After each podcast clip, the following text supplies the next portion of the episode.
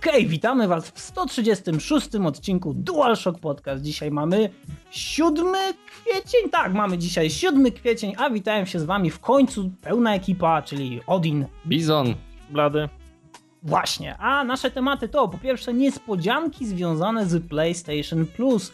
Później ciekawa i darmowa gra Warframe. Następnie nagłe i niespodziewane zamknięcie studia LucasArts. Później symulator czołgania, czyli Metal Gear Solid 5 Phantom Pain, a na sam koniec Blady opowie nam o Bioshock Infinite. Nie ma Tomb Raidera, dlatego że Bizon zbiera się z wypowiedzią, ale Tomb Raider jeszcze będzie, tak więc zapraszamy do słuchania. Bucynkacy, bucynkacy. Blady, słyszałem, że masz nam dzisiaj do opowiedzenia, jakie wspaniałe niespodzianki otrzymałeś w związku z PlayStation Plus. Tak. Dziękujemy, Vlad. Nie, ogólnie bardzo mnie dziwi polityka Sony ostatnimi laty, ponieważ oni naprawdę się wyczołgali z takiego niesamowitego bagna. Oni po prostu się wspili teraz tak wysoko. To jest tak nie... Aż ciężko mi uwierzyć, że oni mając teraz taki sukces, który moim zdaniem jest usługa PlayStation Plus, nie reklamują tego bardziej. Teraz jeżeli ktoś nie wie albo nie do końca wie czym to jest, otóż płacimy abonament, który tam może wynosić dzień, trzy miesiące, rok i tak dalej. Kupując na rok, tak jak ja to zrobiłem, dostajemy 3 miesiące gratis. I podczas tego abonamentu. Mamy dostęp co miesiąc do nowych gier, do jakichś nowych usług, do darmowych motywów, do zniżek, ta ta ta ta ta ta ta ta ta ta. I jedyna jakby wada to jest taka, że fa tak, faktycznie dostajemy mnóstwo gier do sprawdzenia, ale po upływie naszego abonamentu, jeśli go nie przedłużymy, no to już tych gier nie odpalimy, dopóki nie odnowimy tego abonamentu, czyli yy, przykład, teraz kupiłem w takim dość, yy, powiedzmy, aktywnym miesiącu i dostałem mnóstwo gier, ale naprawdę mnóstwo, Motor Stormy, Infamousy, Mass Effect 3, Cave, Okami, Quantum Conundrum, Mortal Kombat, Dead or Alive 5 i inne tytuły. Yy, I oczywiście to wszystko zniknie, jeżeli nie przedłużę swojej subskrypcji, ale ogólnie usługa jest naprawdę fajna i to jest właśnie ta różnica pomiędzy Microsoftem a Sony. Microsoft po prostu wycina jakby części swoich usług, trzyma jak zakładnika i mówi, jak łaskawie zapłacisz, to my ci pozwolimy grać na multi. Tak w dzisiejszych czasach, kiedy y, każdy powinien mieć prawo grać na multi, tak jak to powinno być wpisane jako jakoś prawo, prawo obywatelskie, tak? Dostęp do wolnego internetu. A y, Sony jeszcze wychodzi dalej, nie tylko nagradza E, właśnie za to, że jesteś wierny marce, ale jeszcze ci dorzuca mnóstwo gier za darmo i to jest naprawdę świetna usługa. E, mm, wśród tych jakby możliwości, które daje PlayStation Plus jest m.in. testowanie nowych gier i wtedy mamy chyba godzinny trial, kiedy możemy sprawdzić dowolny tytuł e, właśnie do upływu tego czasu. No i na przykład tam różne dodatki mogą być albo w super zniżkach mamy jakieś promocje, bundle paki i patrząc na to, naprawdę się dziwię, że Sony tego naprawdę bardziej nie promuje, bo to jest rewelacyjna usługa. Jeżeli ktoś e, się zastanawiał, czy jest warta, tak jest warta, tylko jedyny problem to jest to poczucie winy, że cholera, czemu nie kupiłem tego wcześniej, bo miałbym tyle gier, między innymi Spec Opsa, e, za darmo, a tak, no wiadomo, nie każdy e, będzie płacił co rok za ten abonament, ale żeby sprawdzić parę tytułów, naprawdę jest do tego świetne. Ja słyszałem, że można kupić chyba trzydniowe takie pakiety w, na Allegro, ale tylko jest plotka, ja tego nie sprawdzałem i wtedy, nie wiem, można sobie odpalić jakąś grę, która jest do przejścia w parę godzin, e, sprawdzić, czy jest warta i wtedy, no ile płacimy? 6 zł za abonament i możemy sobie sprawdzić jakąś grę.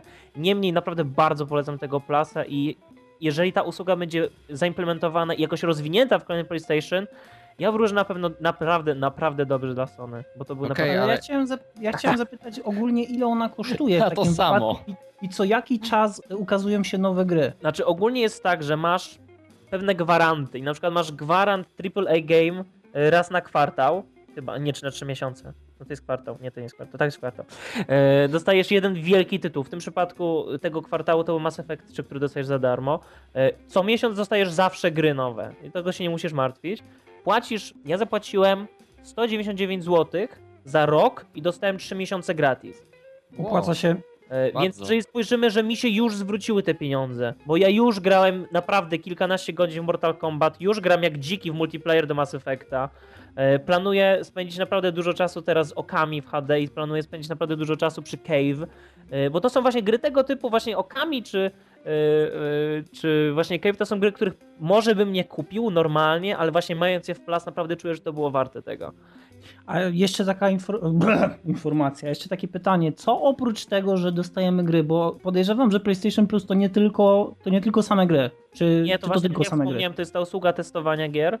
E, Kiedy Mhm. mamy ten godzinny trial, mamy jakieś tam oczywiście motywy za darmo, wszystkie te jakieś tam awatary, ikony, to akurat to jest kosmetyczne sprawy.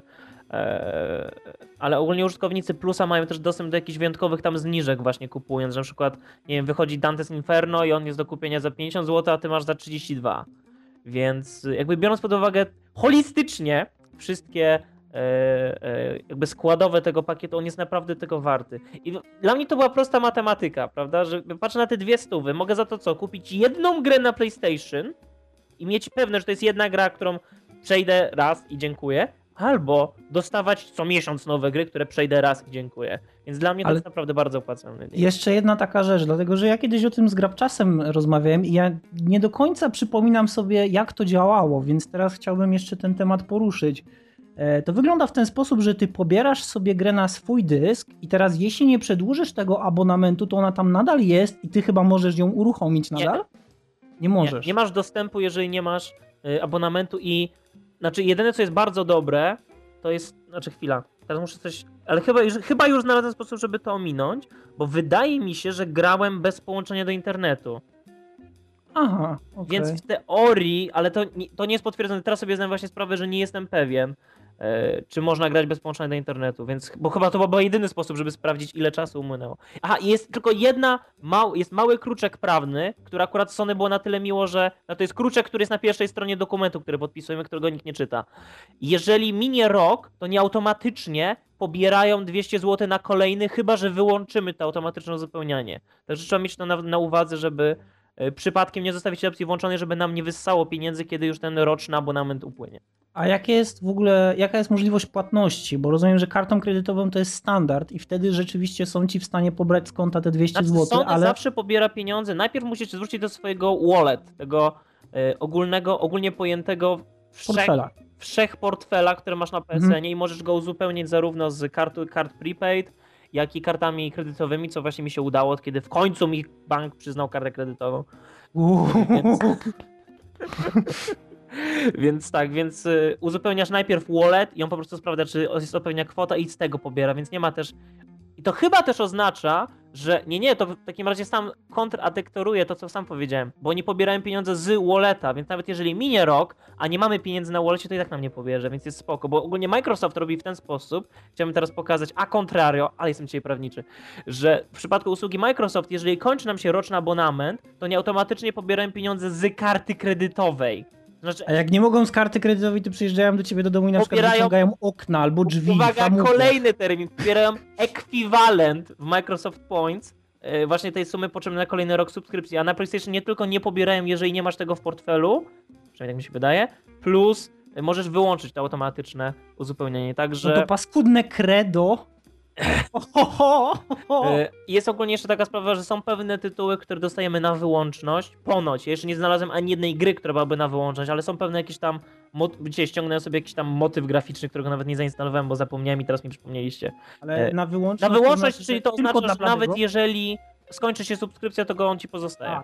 Okej, dobra. okej. E, I nie wiem, jak jest z jedną kwestią, bo jak wiemy, znaczy wiemy, to jest kolejna rzecz, której Sony nie podkreśla. Na PlayStation mamy coś takiego game sharing, czyli jeżeli ktoś ma kupioną grę i ściągniętą, to on może ją zainstalować na max trzech innych konsolach Sony PlayStation. Tak jak zrobiłem kolegom, że ja sobie kupiłem dodatek Battlefield Vietnam, on przełączył się na swoje konto, też sobie to ściągnął i dzięki temu zapłaciliśmy w sumie raz za dodatek, który był zainstalowany na dwóch konsolach i jednocześnie go używaliśmy. Nie wiem, czy można game share'ować gry z Premiuma, ale najprawdopodobniej nie. Mhm. E, Niemniej to jest naprawdę małe ograniczenie, biorąc pod uwagę, jak wspomniałem, jest mnóstwo tytułów e, i to jest takie dziwne. Odin, ty będziesz wiedział z Mass Effecta, to jest to uczucie, że dostajesz paczkę i nie wiesz, co z niej jest. Można sobie Tak. sprawdzić tam zapowiadane tytuły, które są rozłożone w czasie, ale dla mnie to była przyjemność, kiedy odpalam sobie Premiuma i jestem ciekaw, a ciekawe co w tym miesiącu. Okami! I się tego zupełnie nie spodziewałem, gra, o której zapomniałem i naprawdę się cieszę, że ją teraz mam. Właśnie to jest chyba najistotniejsze w PlayStation Plus, że tam rzeczywiście dostajesz gry, które są warte zagrania. Bo można by też skonstruować usługę, która daje ci za darmo gry, które niekoniecznie są tego warte, nie są warte tych 200 zł. Znaczy ja się na przykład patrzę na Cave teraz i jest mi smutno, bo to jest nowa gra, o której wiem, że mm, jak na grę wielkiego Rona Gilberta, który powraca po 20 latach, nie sprzedaje się najlepiej, więc poniekąd to nie wiem, to jest może taki akt łaski poniekąd.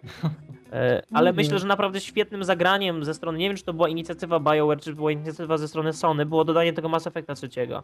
Bo jednak dla bardzo wielu graczy, łącznie ze mną, odpychające było to, że kontynuując swojego Sheparda na Xboxach, bo wiemy, kiedyś Ma- Mass Effect był tylko Xboxowy, nie mogłem sobie grać na Xboxie, no bo my, jak wspomniałem, był ten szantaż, tak? Nie płacisz abonamentu, nie możesz grać na online. A teraz mogę sobie za darmo, no względnie za darmo ściągnąć Mass Effecta 3 i jest tak ogromne zainteresowanie tym tytułem na PlayStation Network, jest niedorzeczne. Cały czas, o każdej porze dnia i nocy są gracze na każdym możliwym levelu, którzy naprawdę cisną się świetnie z nimi gra. Bo jednak kultura pracy na, na PlayStation też bardzo wysoka, jeżeli chodzi o samych użytkowników.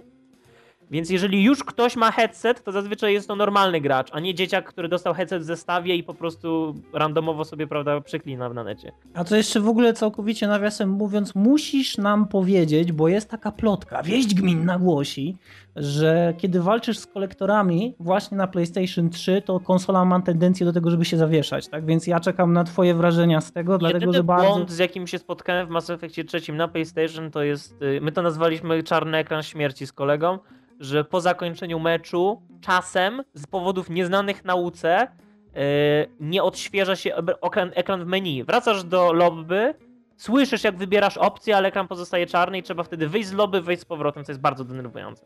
Mhm. Ale to tylko tak na marginesie. Żadnych innych y, wielkich bugów nie spotkałem. No to teraz pytanie, dlaczego PlayStation tego bardziej nie reklamuje? I to mnie naprawdę niesamowicie dziwi, że oni tego nie reklamują, bo to jest naprawdę świetna usługa i to jest to, o czym wspomniałem, będę wspominał, będę powtarzał. Ja nie byłem nigdy fanboyem Sony, ja jestem po prostu lojalny marce i ona mi to teraz odzajemnia moje uczucie, tak? Ona teraz nie jest po prostu sprzętem, który dobrze działa, do tego ma naprawdę świetną usługę, która docenia gracza, a nie jakiegoś niedzielnego nazwijmy casualowego, tak, e, fana gier, tylko kogoś, kto jest po prostu regularnym graczem, który potrzebuje nowych gier, który teraz ma ich dostęp i teraz to bardzo poszerza horyzonty, tak, że nie wiesz, jaką grę dostaniesz i myślę, że dla wielu graczy, którzy by nigdy nie spojrzeli na okami, to może być ciekawe przeżycie, jak teraz je odpalą. Ale chyba już za długo o tym mówiliśmy. E, Niemniej Sony powinno naprawdę się wziąć i mocniej to reklamować, bo to jest warte każdej złotówki, jak na dzień e, dzisiejszy, więc e, jeszcze będę aktualizował e, swoje wrażenia, ale ogólnie jest bardzo, bardzo dobrze na PlayStation Plus.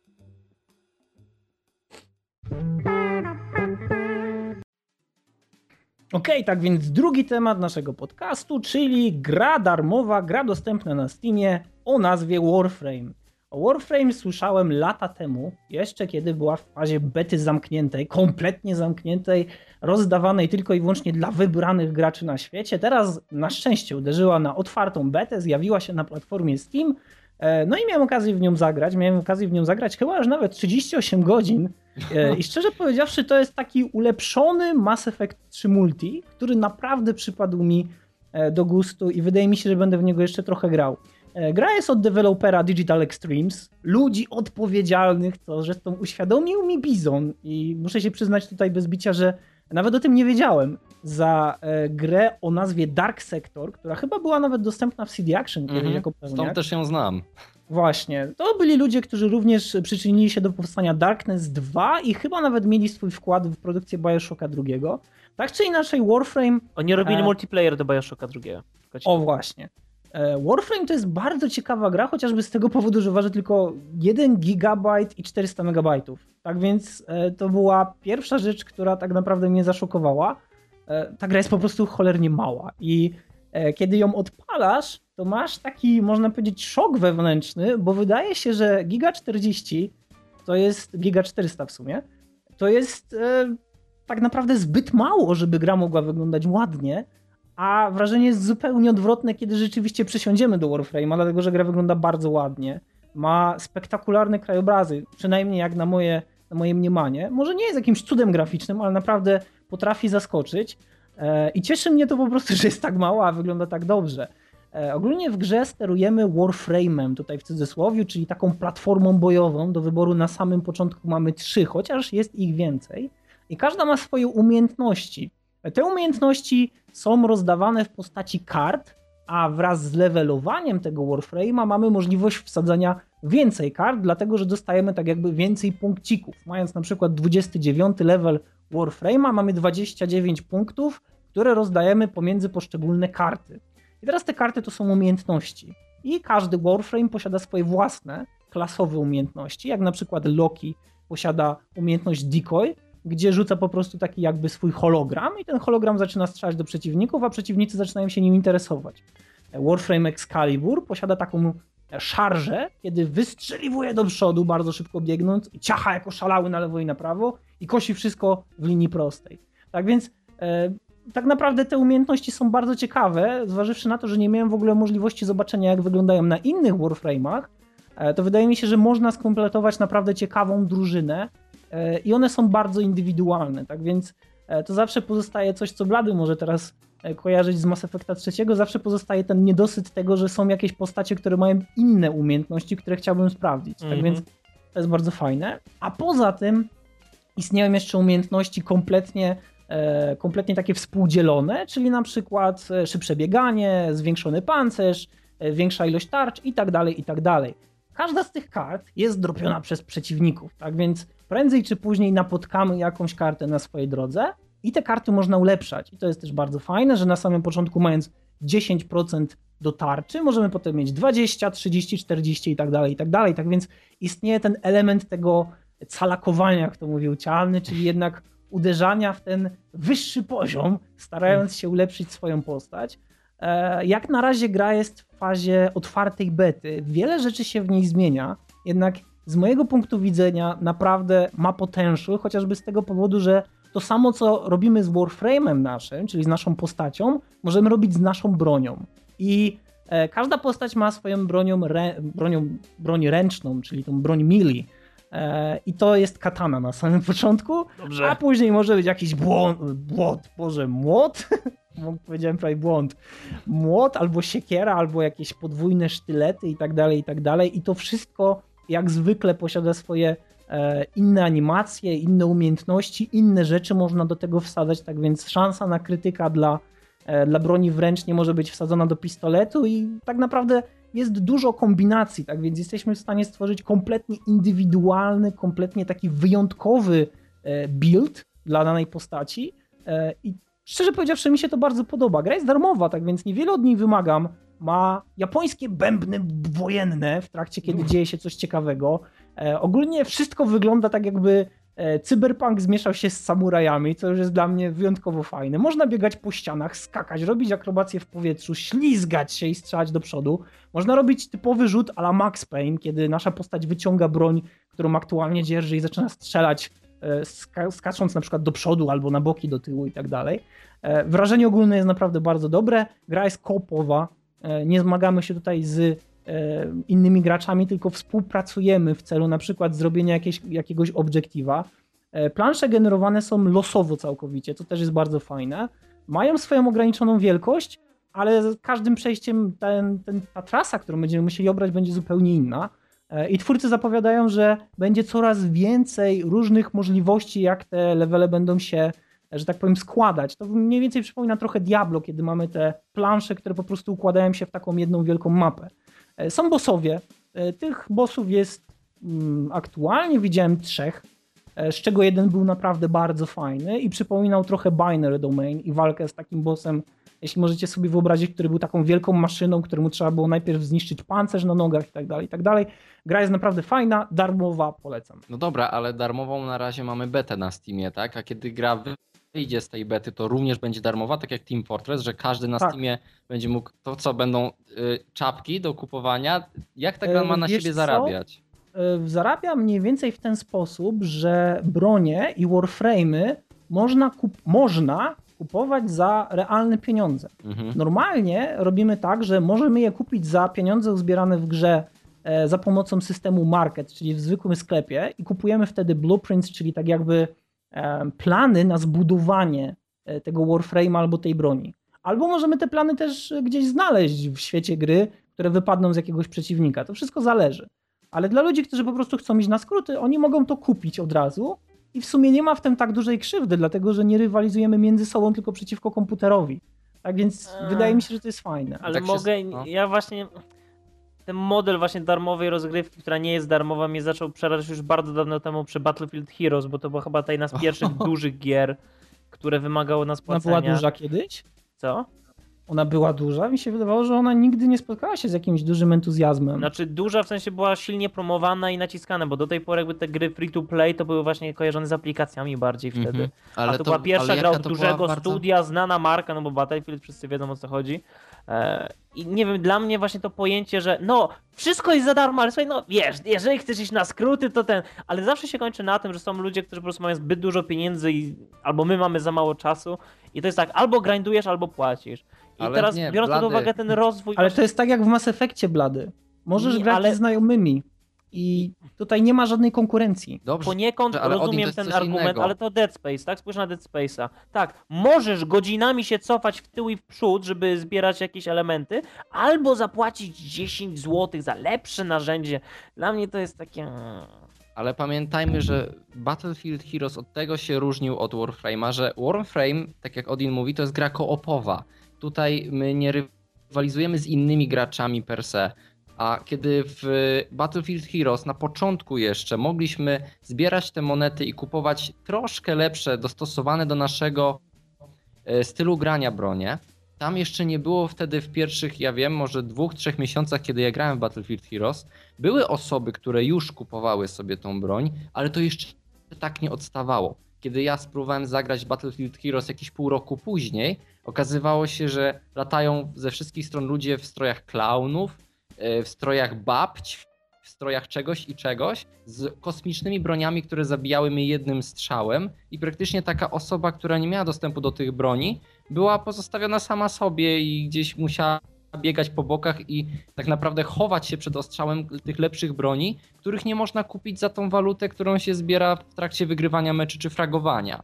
Więc dla mnie taki model jest zupełnie bez sensu, bo gdyby ta broń była od początku dostępna dla ciebie, jeżeli uzbierasz odpowiednią kwotę tych pieniążków battlefieldowych, to okej, ale ponieważ niektóre były z góry zablokowane, dostępne tylko dla tych płacących, to ta gra naprawdę kończyła się na tym, że wygrywali ci, którzy mieli najwięcej pieniędzy, a nie było Ale tam żadnej model właśnie tej, takiej rozgrywki, ja wiem, że odeszliśmy teraz od tego Warframe'a, ale biorąc pod uwagę, że teraz nawet wychodzą całe konsole, które się będą opierały o, mikro, o mikropłatnościach, Uja! myślę teraz właśnie o to właśnie na konsoli y, ta płatność z tego co czytam jest tak zrobiona, że oni nawet specjalnie na początku ci każą podać swój numer karty i mówią, nie, nie, spokojnie, jak nie chcesz, to nie będziesz płacił. Ale te ikonki upgrade Ale są... karty musisz tak. Ale te, ale te ikonki kup, wykup, zapłać są u siebie tak blisko albo są jakoś tak ukryte i nie wymagają potwierdzenia, bo oni muszą koniec końców zarobić, więc już wolę, jeżeli gra ma, nie wiem, zmniejszoną cenę wejściową, a później mikropłatności dla chętnych, niż jeżeli jest całkiem free to play, bo wtedy z definicji w samym designie gry oni myślą, hmm, musimy to zrobić tak, żeby ich zachęcić, żeby oni mieli tą inicjatywę do zapłacenia nam pieniędzy. Wiesz co, ja tego do tej pory nie czuję, a zwykle jestem bardzo wrażliwy na takie próby e, i bardzo mnie one denerwują. Jak na przykład w Angry Birdsach, kiedy mam darmową wersję i jebitny baner z prawej na dole zaczyna mi zasłaniać połowę ekranu, kiedy wchodzę do pauzy, do, wiesz, do zatrzymania rozgrywki. Takie rzeczy mnie bardzo denerwują. Tak, ale możesz to wyłączyć tą reklamę, jeżeli zapłacisz chyba tam 3 dolary czy coś. No właśnie, a w Warframe nie mam nic, co by na mnie krzyczało, że powinienem koniecznie zainwestować Mhm. e, swoje prawdziwe pieniądze, realny, realny cash w tą grę. Poza tym, e, z tego co wiem, w tej grze nie ma rzeczy, których nie mógłbyś osiągnąć e, grając normalnie. No właśnie, I ja do tej spoko. pory ja do tej pory nie czuję, że, że robię jakikolwiek grinding. Ja gram z, ze znajomymi i my gramy po to, żeby na przykład pogadać, o czym ostatnio rozmawialiśmy. Szczerze powiedziawszy, nawet nie kojarzę, ale to są tak jak rozmowy przy piwie. Po prostu biegacie, rzucacie się na ludzi z mieczami, skaczecie, ślizgacie się z góry i sprawdzacie, kto pierwszy się ześlizgnie jako pierwszy, dlatego że w grze są elementy fizyki. Tak więc ta gra jest po prostu fajna, jest darmowa, nie każe ci jej kupować. Mhm. E, naprawdę, jest, jest naprawdę bardzo w porządku. I co najważniejsze, to jest jej siódmy update. A update'ów będzie znacznie więcej i ona się naprawdę będzie rozwijać. I ten model płatności, z tego co wiem, nie zostanie zmieniony. Bo ludzie chcą, ci, którzy oczywiście mają pieniądze, bo ludzie chcą po prostu gry cybersamurajowej i chcą inwestować w to pieniądze, Która bo chcą nie jest być lepsi, bo chcą być lepsi. Natomiast jest ta grupa użytkowników, takich jak na przykład ja i moi znajomi, którzy po prostu chcą sobie pograć ze sobą w teamie na przykład trzech osób albo dwóch osób i po prostu pogadać. I to tyle. Ja naprawdę, ja, ja, ja polecam, ja myślę, że jeśli nawet nie jesteś zainteresowany tą grą, to powinieneś zobaczyć trailer na Steamie, który mniej więcej, może Steama. trochę w sposób naciągany, ale oddaje klimat tej Ja gry. widziałem, ja widziałem i jak najbardziej chciałbym to zagrać, tylko mi się wydawało, że to była gra właśnie, w której e, dwie drużyny ze sobą rywalizują. Nie wiedziałem, że to jest gra koopowa z trybem hordy, więc teraz mnie trochę nakręciłeś i zapewne sprawdzę. Tak, bo Y, jest dużo mi na rodzajów- przykład bardzo gier właśnie co-op, które po prostu wymagają współpracy przy robieniu zadań, bo ogólnie Mass Effect pokazał, że można zrobić naprawdę dobre multi dla ludzi, którzy no, niekoniecznie zawsze mają ochotę na deathmatch i przecinanie ludzi mieczem w pół, więc y, ludzi w sensie ludzi z innej części świata, którzy po prostu chcą się dobrze bawić, a nie jakichś Mhm. komputerowych botków. Jest dużo zadań, to też jest e, istotne, że są zadania typowo Mass Effectowe, czyli na przykład broń jakiegoś punktu przez tyle i tyle minut, bo w Mass Effectie to jest proces hakowania, Mhm. a tutaj to jest po prostu proces od jednej fali do drugiej fali, ale są też zadania w sumie w większości, które polegają na tym, że na przykład trzeba dostać się do jakiegoś punktu, e, wykraść coś i uciec. I teraz chyba najfajniejsza rzecz, o której prawie zapomniałem. E, każdą z tych misji można przechodzić całkowicie po cichu. Jeszcze mi się to nie udało, Hmm. ale wiem, że się da, dlatego że widziałem ludzi, którzy to robili. I szczerze powiedziawszy, zabawy w tym jest co niemiara, więc. e, Wysadź skład amunicji. Nic się nie stało.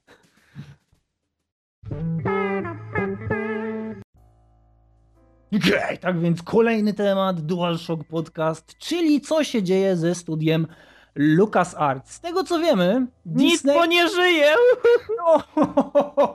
Disney przejął LucasArts, a następnie zabił LucasArts i więcej na ten temat ma Bizon Bizoński, tak więc Bizon. No, Bizon Bizoński spieszy z bardzo smutną informacją, gdyż e, te produkcje, które miały wyjść ze studia LucasArts, tak naprawdę nie wiadomo, co teraz się z nimi stanie.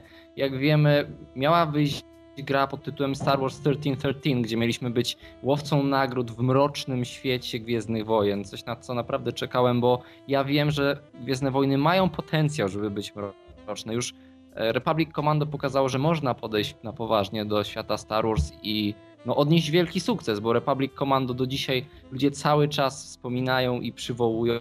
Jeżeli ktoś nie kojarzy gry, to zachęcam zobaczyć mój e, let's play z tej gry, gdzie, który można znaleźć na DualShocku. E, ale nie tylko ta gra, bo również powstawała gra Star Wars First Assault, która miała być e, jakby tym produktem sprawdzającym grunt do wypuszczenia bat, e, Battlefronta 3. To Star Wars Battlefront to jest e, taka ta wersja Star Warsowa Battlefielda, którą ludzie również uwielbiali i wszyscy wyczekiwali, żeby pojawiło się First Assault. Oni pokażą, że rzeczywiście chcą tej gry i ten Battlefront w końcu wyjdzie. Ta oczekiwana już od wielu lat produkcja, która już raz została obcięta, bo studio, które ją robiło, też zostało rozwiązane chyba rok czy dwa lata temu, więc y, smutne, że nagle Disney przyjmuje studio i je zamyka w ciągu, ja wiem, kiedy to było? E, Dwa miesiące dwóch temu? tygodni, tak mi się wydaje. Oni w ciągu dwóch tygodni wy, wystosowali decyzję o tym, że im się to nie opłaca, kasa się nie zgadza, więc Znaczy nie, to zamknięcie rzeczywiście przebiegło bardzo szybko, co jest rzeczywiście bolesne dla pracowników, e, ale od samego przejęcia licencji, no to minęło właśnie jakieś ponad miesiąc. No, No właśnie, to Mm. jest coś strasznego. I tak nagle znikąd, bo wiadomo, że ale, oni nie robili od dawna ten- dobrych gier, ale ale, ale nie, właśnie przesady, tak? zaczęli robić dobre gry. ale widzieliście w ogóle ten gameplay właśnie z tego... E... 13-13, tak? Tak, dokładnie. To bardzo on- dobrze. On, on naprawdę, wy- to wyglądało już praktycznie jak skończona gra. Wyglądał trochę jak Battlefield w świecie Star Wars. Cholernie mi się podobało. I... Ale ty mówisz teraz o tym First Assault gameplayu, a nie o, o 13-13. A, to co innego. No to w 13-13 takim to wypadku było- nie wiem jak wygląda 13-13. 1313 to była taka TPP, która wyglądała dość zacnie. Znaczy dla mnie to był taki Uncharted w kosmosie, ale wie, wiem, że to byłaby znośna gra już teraz po tych filmikach i wiedzieć, że to nigdy nie powstanie, ale dobrze wiecie, że jeżeli chodzi o LucasArts, to ja zawsze wracam do jednego tematu. Gotówki. Gdzie moje Grim Fandango? Więc A- czyli, yy, bo jak wiemy, A. Swego czasu było znane właśnie ze swoich serii przygodowych, które nie miały nic wspólnego z Gwiezdnymi Wojnami, yy, bo przecież właśnie takie tytuły jak Sam and Max, yy, Full Throttle, e, e, wszystkie przygody na Małpiej Wyspie, to wszystko, no i Grim Fandango oczywiście, e, także Indiana Jones, Fate of Atlantis, to wszystko były produkcje LucasArts, które, co się teraz z nimi dzieje? Ogólnie Disney sam mówi, że od teraz produkcja gier na licencji będzie przekazywana studiom tam third party, prawda? No i Mhm. będą robili gry na komórki i tak dalej. Ale co to oznacza dla przyszłości, tak? Bo oni na przykład zapowiadali, pamiętam swego czasu, wysłano oficjalne zapytanie, ktoś zrobił, prawie taką interpelację poselską. Czy wy, LucasArts, zamierzacie wrócić do robienia przygodówek? A oni powiedzieli, no szybciej niż w 2013 nie. No ale fajnie, mamy 2013, czyli oni mieli chociaż jakikolwiek plan, jakiekolwiek Hmm. założenie, że będą robić jakąś przygodówkę. Tym bardziej, że świat pokazuje, wystarczy spojrzeć na Kickstartera i na sukces projektu Tima Schafera, że ludzie mają zapotrzebowanie na przygodówki, że w dzisiejszym świecie nie wszystko musi być TPP, cover shooter y, z sikciuka i tak dalej. I po prostu co się stanie teraz z tymi wszystkimi licencjami, które oni mają, tak? Bo Monkey Island mamy, Grim Fandango, Indiana Jonesy, to wszystko czeka, żeby teraz ktoś podniósł te leżące e, licencje i zaczął robić gry. No. Ale wiecie co wam powiem jeszcze? Ludzie się złapali teraz za głowę i zaczęli płakać z tego względu, że Star Wars 1313 miało opowiadać historię jakiegoś tam nowego łowcy nagród w świecie Star Wars. Nowa historia nowej postaci. Tymczasem wyszedł taki news, że w maju zeszłego roku na ten projekt spojrzał sam George Lucas, popatrzył, stwierdził słuchajcie, przeróbcie to i niech to będzie gra o Bobie Fett. I oni tak zrobili. Ludzie kochają Boba Fetta przecież. ludzie uwielbiają tą postać. Nawet ja go lubię. Nikt nie wie dlaczego. On ma najbardziej A aklimatyczną słowa, śmierć, Hanna Solo w bazie, tak? Dziękuję. ale ta jego śmierć jest najbardziej aklimatyczna chyba w historii, bo on po prostu spada i tam umiera. No jego ojciec wcale nie lepiej odpadł, więc może, może o to chodziło, nie? No ale wiesz, wiesz co to teraz znaczy dla ludzi? Ludzie czekali na grę Znaczy, o Bobie Fecie. umarł. Według oficjalnych książek Gwiezdnych Wojen on przeżył lądowanie w tych trzewiach tego zwierzęcia i miał No jakiś tam... niby, niby tak, ale chodzi mi o tą reakcję ludzi, nie? Bo mieliśmy grę z Django Fettem, która tam wyszła chyba w 2003 GameCube. Ona wyszła tylko, ona wyszła tylko na PS2 i na GameCube, ale znalazła się grupa ludzi, która naprawdę ją uwielbiała, chociażby z tego względu, że nareszcie mogliśmy grać fetem. I od tamtej pory nie było takiej gry. I jest podobno szansa, gdzieś się tli nadzieja, że jakieś studio przejmie to, co do tej pory LucasArts zrobiło i dokończą tą grę. Ale to teraz, co to znaczy dla osób, które to robią, tak? Czy to teraz po prostu ta licencja będzie przekazana innej w inny? Przecież mnóstwo osób straciło pracę, mnóstwo osób. I Ale wiecie, czego ja się są najbardziej boję? Mówimy w podcastach o tym, bo my często mówimy o produktach, a rzadko o ludziach, którzy je tworzą. Wiecie, czego się najbardziej boję? Najbardziej boję się tego, że w garści LucasArts nadal była licencja na Kotora, Knights of the Old Republic. I szczerze powiedziawszy, boję się tego, co będzie teraz, bo nie wiem, jakie plany ma Disney, ale wydaje mi się, że właśnie obu, obok, obok tych gier, które wymieniliście, to Knights of the Old Republic jest jedną z najlepiej rozpoznawanych gier e, na PC, ale, ale też Old Republic, tak, MMO jest jednym z największych po prostu porażek, jeżeli chodzi o finanse w świecie gier. Ale ja mówię Knights of the Old Republic, ja nie mówię o Wiem, ale chodzi mi o to znajomość marki i teraz Mhm. to, co ludzie będą kojarzyli. I komuś powie, że teraz wychodzi Kotor, to nie powiedzą, aha, tak, to ta gra, która kosztowała tam 300 milionów do zrobienia, a zwróciła się nawet połowa niecała. Pamiętajmy, że teraz to ma Disney. Disney zrobi z tym, co będzie chciał, ale oni nie będą patrzeć raczej z perspektywy starych gier, o których tak naprawdę, no okej, dość dużo ludzi pamięta Kotora i szanuje go tak jak my, ale jednak mamy teraz wysyp nowych ludzi i nie ukrywajmy, Disney będzie dążył do nowej publiki, do młodej publiki, z której Nie, Stara Republika kojarzy się z tym MMO, które chociaż było okropnie ambitne i miało podobno świetną fabułę, to jednak coś nie kliknęło, coś nie wyszło i okazało się wielką klapą finansową. No ja teraz to gram w Old straszne. Republic, bo Old Republic jest teraz darmowe, bo była taką porażką, że musieli zmienić model na free to play. Yy, I oczywiście można tylko do 20 levelu, nie można jakichś tam itemów, bla bla bla, bla. I też fabuła za dupę nie chwyta, więc... Yy, Znaczy, chciałem powiedzieć, z kapci mnie nie wyrwało. E, Niemniej, jeżeli ktoś jest fanem Gwiezdnych Wojen, to, to, to jak najbardziej też tam może odnaleźć coś dla siebie, ale właśnie jest, dla mnie jest pytanie tak, ja mam dwa pytania a propos tego tematu. Co z tymi ludźmi teraz?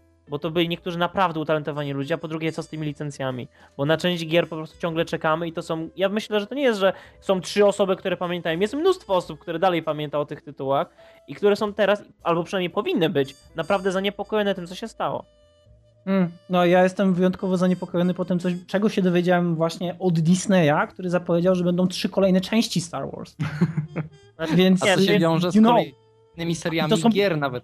Ale też nie zapominajmy, że do tworzenia przynajmniej pierwszej części tego filmu zaprzę- za- zaprzęgnięto J.J. Abramsa, czyli gościa, który zrobił rewitalizację serii Star Trek, robiąc teraz właśnie przecież ten pierwszy Star Trek 2009 on był, no i teraz ten, który będzie wychodził, więc może jest w dobrych rękach. Oni po... ja myślę, że tak długo jak tam gra Samuel L. Jackson, a on będzie tam grał, to nie Nie. wszystko jest stracone. Nie, to faktycznie, to jeszcze wszystko jest do odratowania. Ale jeszcze chciałem coś powiedzieć. Kotory. że nie tylko LucasArts stracił swoich pracowników i nie tylko Lucas, i nie tylko e, i nie tylko Disney zwalnia, ponieważ nie wiem czy wiecie, ale zatrudnienie w, mm, w Square Enix utracili nasi panowie od Hitmana. What? Tak, zostali zwolnieni, znaczy zwolnieni. Ale którego Hitmana? No nowego Hitmana. Czemu? No bo nie zarobili dość dużo. Druga informacja. E, Z, Okej. Ze spółki mm, Square Enix Eidos usunięto oddział, który zrobił Watch, e, Sleeping Dogs. ponieważ nie zarobił dość dużo. A teraz moje ulubione. Nie wiem, czy wiecie, ale rozwiązano studio, które, zro... Zlody nie mówisz nic. które zrobiło teraz nowego Tomb Raidera. No co ty gadasz? Jak? Jezu. Crystal, Crystal Dynamics Właśnie dlatego mówię, że musimy częściej rozmawiać. Znaczy, nie mówię, że rozwiązano studio, ale usunięto z tej spółki Square Enix Eidos. Przynajmniej jestem niemal, niemal stuprocentowo pewny, że tak się stało. Ale przecież to była maszynka do pieniędzy teraz. Ale oni powiedzieli w ofic... bo są tak zwane raporty, prawda, finansowe, które dostają partnerzy spółek yy, na koniec tam różnych okresów rozliczeniowych i Square Enix stwierdził, że sprzedaż ani Tomb Raidera, ani Hitmana, ani Sleeping Dogs nie zbliżyła się do oczekiwanych zwrotów. A chcę tylko powiedzieć, że nowy Tomb Raider jest najlepiej sprzedającą się częścią w serii. Yy, Hitman zaskakująco dobrze się sprzedał jak na to, że marka, no, ona była zwykle w taki kult, miała status kultu Ona była w cieniu. ale zawsze była w cieniu. No i tak. Sleeping Dogs, które jak na początek nowej serii też było zaskakująco dobrze przyjęte, mimo swoich wad, to była dobra gra, tak? Y, Jest dalej. I oni powiedzieli, chwila, że ej. bardzo im przykro, ale nie zbliżyło się do ich tych finansowych ten. I teraz pytanie, w takim razie, skoro znaczy, niektórzy się doszukują, ja słyszałem taki felieton na Game Trailers, że Square Enix chce usunąć wszystkie niejapońskie wydziały swojej firmy, żeby zostawić tylko, yy, tylko ludzi od Final Fantasy i tak dalej. Genialny chwyt, Bo jest- naprawdę. dobra, naprawdę- okej. Square Enix się praktycznie składa z Eidos. W Eidos mamy ludzi, którzy między innymi zrobili, nie wiem, Deus Exa nowego, e, Mhm. którzy kiedyś robili te Kingdom Hearts. E, Okropieństwa, same Hearts okropieństwa. Nie, to była produkcja, przepraszam, cofam. Ale ogólnie przecież te gry, większość doskonałych gier, które wyszły ostatnimi czasy od Square Enix, to były tak naprawdę produkty Eidos lub ich spółek. I to wszystko teraz zostaje po łapach, bo o mój Boże, nie sprzedaliście miliardów sztuk. Więc nie wiem, kto tworzy te prognozy finansowe. Dobra, Blady, ale w takim razie chcesz powiedzieć, że licencja na nazwę Tomb Raider została w Square Enix, a oni odsunęli Crystal Dynamics? E, Musiałbym doczytać, ponieważ jest to informacja, która była wspomniana w tym felietonie i jedynie tylko zanotowałem, o mój Boże, oni też dostali teraz po łapach. Bo jeżeli tak się stało, jeżeli Crystal Dynamics nie będzie miał dostępu do licencji Tomb Raidera, to jest chyba jedna z najgorszych informacji tego roku tak naprawdę, bo ich No tak, bo później reboot jest naprawdę Japończycy. Japończycy będą robili grę, a oni zawsze dają duże piersi, oh wait, to jest Lara Croft. Nie, to jest, to jest, to jest e, Nie oczywiście... LucasArts, Nie traktujcie tego poważnie, ale to jest najgorszy temat w tym podcaście. ale ja, ja byłem zdziwiony, bo mówiliśmy o tym LucasArts i faktycznie yy, to jest wielki news, ale jakby on blednie przy tym, ile jeszcze osób straciło teraz pracę. Ludzie, którzy poświęcali swój czas, pod krew i łzy, żeby tworzyć dla nas doskonałe gry, a niemal wszystkie, które wymieniliśmy teraz, były naprawdę bardzo dobre. Ale ja nie wiem, jak można w ogóle karcić Hitmana za to, że okazał się jednym z, jedną z najlepszych kontynuacji serii, która mogła być tak łatwo zepsuta przez jakieś głupie pomysły. Mhm. Ona zachowała tak dużo rzeczy, które tak naprawdę ją definiują, że jeśli ktoś teraz mówi, że to wszystko i tak jest bez znaczenia, dlatego że się słabo sprzedała, e, to ja naprawdę tutaj mam zbyt mocne skojarzenia z EA, z firmą, która osiągnęła 1,2 miliona sprzedanych kopii SimCity nowego w ciągu dwóch tygodni i stwierdziła, że w takim wypadku w sumie to już wszystko. Ja... Nie, to jest, to jest, to jest paskudne, naprawdę. Ale Blady, ewaluacja informacji na pewno tak jest, bo, bo to, to co powiedziałeś Potem nas zrugają w komentarzach. Chwila, muszę Potem wyłączyć, bo teraz nie gram w Icy Tower, więc nie mogę sprawdzać na bieżąco, więc wyłączam DX Ball 2. E, Zresztą polecam wszystkich tą minigierkę. E, Już, już wam mówię, ale oczywiście tylko, żeby teraz ten nie, nie przedłużać. Jest faktem, że jesteśmy naprawdę okropnym teraz y, momencie dla wszystkich y, twórców gier, ponieważ jesteś albo częścią ogromnej, ogromnej y, korporacji, tak jak nie wiem, jesteś częścią EA Activision i trzymasz kciuki, albo nie masz szans, no po prostu nie masz. Crystal Dynamics. To jest najgorsze zakończenie, jakie mieliśmy. Naprawdę. Bo dla mnie to jest szokujące, serio. Żeby, żeby wywalić tak dobre. Nie. Nie, dobra, to Blady, ty przeszukuj internet, najwyżej w zakończeniu te informacje jeszcze nam dopowiesz, jak to naprawdę jest, a my Mhm. tymczasem może przejdźmy dalej. Dobrze. Ale jest, jest włączone nagrywanie, tak? Tak. Okej, powracałem po sprawdzeniu pewnych danych. Teraz chodziło o ogromną restrukturyzację, która po prostu poszła od dół na, od samego dołu do samej góry wszystkich oddziałów Square Enix i teraz nie, nie usunięto całych wydziałów, które tworzyły właśnie wspomniane gry Sleeping Dogs, Hitman czy Tomb Raider. E, jednak dotknęło to naprawdę ogromnej liczby pracowników, e, łącznie z odejściem Yoichi Wada, który był jednym z głównych e, jakby bossów w Square Enix.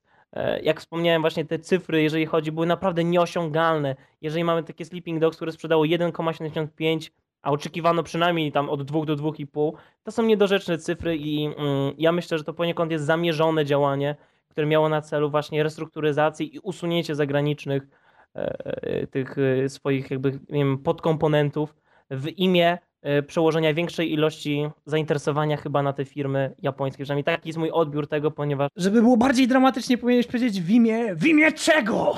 imię czego? Ponieważ wszyscy wiemy, jak silnie jest związana Japonia z od Square Enix i jak silnie Square Enix jest kojarzony z marką Final Fantasy. Jednak nie ukrywajmy, jako publisher oni byli w porządku aż do dziś, aż do tej chwili, ponieważ e, pokazali naprawdę dziwną atmosferę pracy. Jeżeli na przestrzeni naprawdę niespodziewany sposób jesteś z dnia na dzień praktycznie zwalniany, ponieważ cyfry, które ci były nieosiągalne. Ja wiem, że już kiedyś mówiliśmy o takich numerach w stylu, że tam o, nie osiągnęliście 75% Metacritic, jeżeli chodzi o Obsidian, ale to były, mi się wydawało wtedy takie pomniejsze sprawy, ale zwalnianie ludzi tylko dlatego, że cyfry, które oni były nie do osiągnięcia nawet przez naprawdę niesamowicie dobre gry, e, a Tomb Raider się sprzedaje jak niesamowicie dobra gra, no to coś jest naprawdę nie w porządku i biorąc pod uwagę, jak teraz Lukas upada, to naprawdę może być nieciekawie na przyszłość.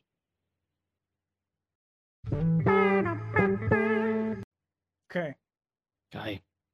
I co, Dobra. Kaj? Kolejny temat. Tracę głos, tracę głos i to naprawdę ostro. Nie, jeszcze dwa. I zakończenie. I To Metal nie był temat, to było sprostowanie bitu. Ha! Okej, Metal Gear. dobra. Sorry, Czy to... Ja mogę zapowiedzieć. Ale jak chcę zapowiedzieć, bo ja nie... zapowiadałem ci ani jednej rzeczy! Ale... Dobrze, Ale... proszę. No, Ale Odina nie było dawno. no właśnie. To jest dobry argument, widzisz? Widzisz, jaki miałeś dobry argument? No właśnie. Okej. Okay. Dobra. Dobrze i czwarty, te, czwarty, czwarty temat naszego podcastu, czyli Metal Gear Solid 5 Phantom Pain, innymi słowy podtytuł Symulator czołgania blady. Tak. Dziękujemy! Kolejny dobrze zrealizowany temat. To, że okazało się, że Phantom Pain jest tak naprawdę produkcją y, Konami i to, że tak naprawdę jest to dzieło Kojimy i to, że jest to wielki przekręt, nie było jakoś niesamowicie dobrze y, trzymane w tajemnicy, no bo ponieważ to aż pachniało z daleka Kojimą i jego pomysłami. Jednak cieszę się, że się odważyli na taki zabieg, ale do dziś nie wiemy, co się stało. Właśnie to jest ten moment, kiedy kurtyna jest podniesiona, wszyscy mówią tadam, a ty nie wiesz, co widzisz, ponieważ potwierdzono, że tak, tak, Phantom Pain, tak, tak, Ground Zeroes nadal osobne tytuły, ale jaki jest związek między nimi? I z tego co słyszałem, sam Kojima nie wie co robi, ponieważ on na to... nie może być. Znaczy nie, no, przepraszam, geniusz Kojima wie co robi, ale po prostu się nie dzieje tą informacją. Ale jak? Wiadomo jaki jest, bardzo dobrze wiadomo jaki jest związek. Phantom Pain, Wiemy, że jest prequel, eee... ileś tam lat, wiemy, ale nie No. wiadomo w jakiej formie, czy to będzie oddzielna gra, czy to będzie DLC, czy to będzie chapter do tej głównej gry, czy to będzie... Ja słyszałem, że będą retrospekcje dość częste. Widzisz, ale wydaje mi się, że nie, oni... wiemy, że to będą dwie osobne gry, czyli jakby mogły być retrospekcje do innej Nie, gry. nie. To będą dwie osobne gry. Tak jak powiedział Kojima, e, Ground Zeroes rusza w tym miejscu, gdzie skończyło się Peace Water. I będzie to takie wprowadzenie do nowej formuły rozgrywki Metal Geara zupełnie świeżej, właśnie z tym otwartym polem bitwy, czy też polem do skradania dla naszego sneku. I ta gra ma właśnie cię wprowadzać, pokazywać, słuchaj, to jest nowy Metal Gear, zapomnij o poprzednich, teraz mamy nową formułę, nowy typ rozgrywki i do tego macie przygotować Ground Zeroes, on ma pokazać ten świat nowy, po czym e, Phantom Pain ma się dziać 9 lat później, kiedy właśnie przez te 9 lat Big Bossu był w śpiączce, kiedy stracił bodaj lewą dłoń i ta gra ma już niby nie być tym przygotowaniem, tylko rzucać cię w ten nowy, no praktycznie nowy świat Posad Metal pod Geara. Tak mówi Kojima. Ja nie, nie, ja nie uważam, żeby to była zupełnie nowa gra, żeby ona rezygnowała z pomysłów, które do tej pory były w y, serii i jakoś nie chce mi się wierzyć, że oni naprawdę przekreślają wszystko, co było do tej Ale- pory, tworząc nowy typ gry. Ja, ja chcę właśnie, Bizon, skoro powiedziałeś, że nie wiesz, nie wierzysz, że oni coś przekreślają, ja chciałbym tak zaczepnie zasugerować kierunek, raczej może nie zasugerować, ale powiedzmy przejść w pewien odpowiedni moment, e, który zapamiętałem z trailera. Em, Pamiętasz, kiedy mieliśmy scenę w Metal Gear 3, kiedy e, szliśmy tak naprawdę pod prąd w rzece i widzieliśmy tych wszystkich ludzi, których zabiliśmy i tak dalej. Mhm, walka z Sorą, no. To było ok dla ciebie? Tak. Okej, dobra. A Y, co teraz, co teraz myślisz e, na temat przeciwników, którzy z sali płoną i jadą na płonącym koniu? Znaczy, Powiedz mi, to bo- jest ele- element... Ach, nie wiem A, co. widzisz. Ale to ja, to ja mam odpowiedź. No. Ogólnie Kojima w wywiadzie dla... Ale mogłeś skończyć, mogłeś powiedzieć ogólnie Kojima. Ogólnie Kojima, tak? no to jest podsumowanie wszystkiego, co właśnie powiedzieliśmy. Ale kiedy spojrzymy na to, jak e, Kojima się wypowiedział o Ground Zeroes, bo to było do tej pory jedyne potwierdzone, on powiedział, że ta gra będzie e, dotyczyła wielu tematów tabu, będzie trudna, będzie skomplikowana i na przykład on powiedział bardzo fajne zdanie, które mi się podoba, to jest chyba pierwsza mądra rzecz, którą Kojima powiedział, jeżeli chodzi o Ground Zeroes, że on będzie przedkładał swoją pozycję jako twórca ponad swoją pozycję jako wydawca gry, że on będzie stawiał I'm priorita- I'm prioritizing, nie umiem powiedzieć, prioritizing, jak? Mhm. Pri- Prioritize. Priori- prioritizing Prioritizing. creativity over sales, czyli takie mm, trudne do zrozumienia jakieś schizy, które będzie widział Big Boss. Dla mnie jak najbardziej pasują i ja wiem, że wielu graczy będzie y, odrzuconych przez latające wieloryby, ale mi to pasuje, no, jeżeli to nie będzie element jakby samego świata, tak, że nagle patrzymy, o, wam biega po wodzie, kiedyś to było trudno zaakceptować i pewnie są fani, którzy by zaakceptowali latające wieloryby w świecie Czyli Metal oni zaczynali, widzisz, oni zaczynali bardzo powoli. Na samym początku bieganie po wodzie, teraz płonące konie. E, Więc, ale płonące konie i wieloryby, jeżeli to będzie się rozgrywało tylko w jego wyobraźni, to moim zdaniem gra muzyka, tak? Tak, E, tak. Jeżeli nie te, tego nie schrzani, to jest szansa na pierwszy dobry Metal Gear od lat. Pierwszy dobry Metal Gear od dwójki. No, mm, no dobra, niektórzy uważają, też uważam poniekąd, że trójka jest dobrą grą, może nie częścią serii, ale dobrą grą.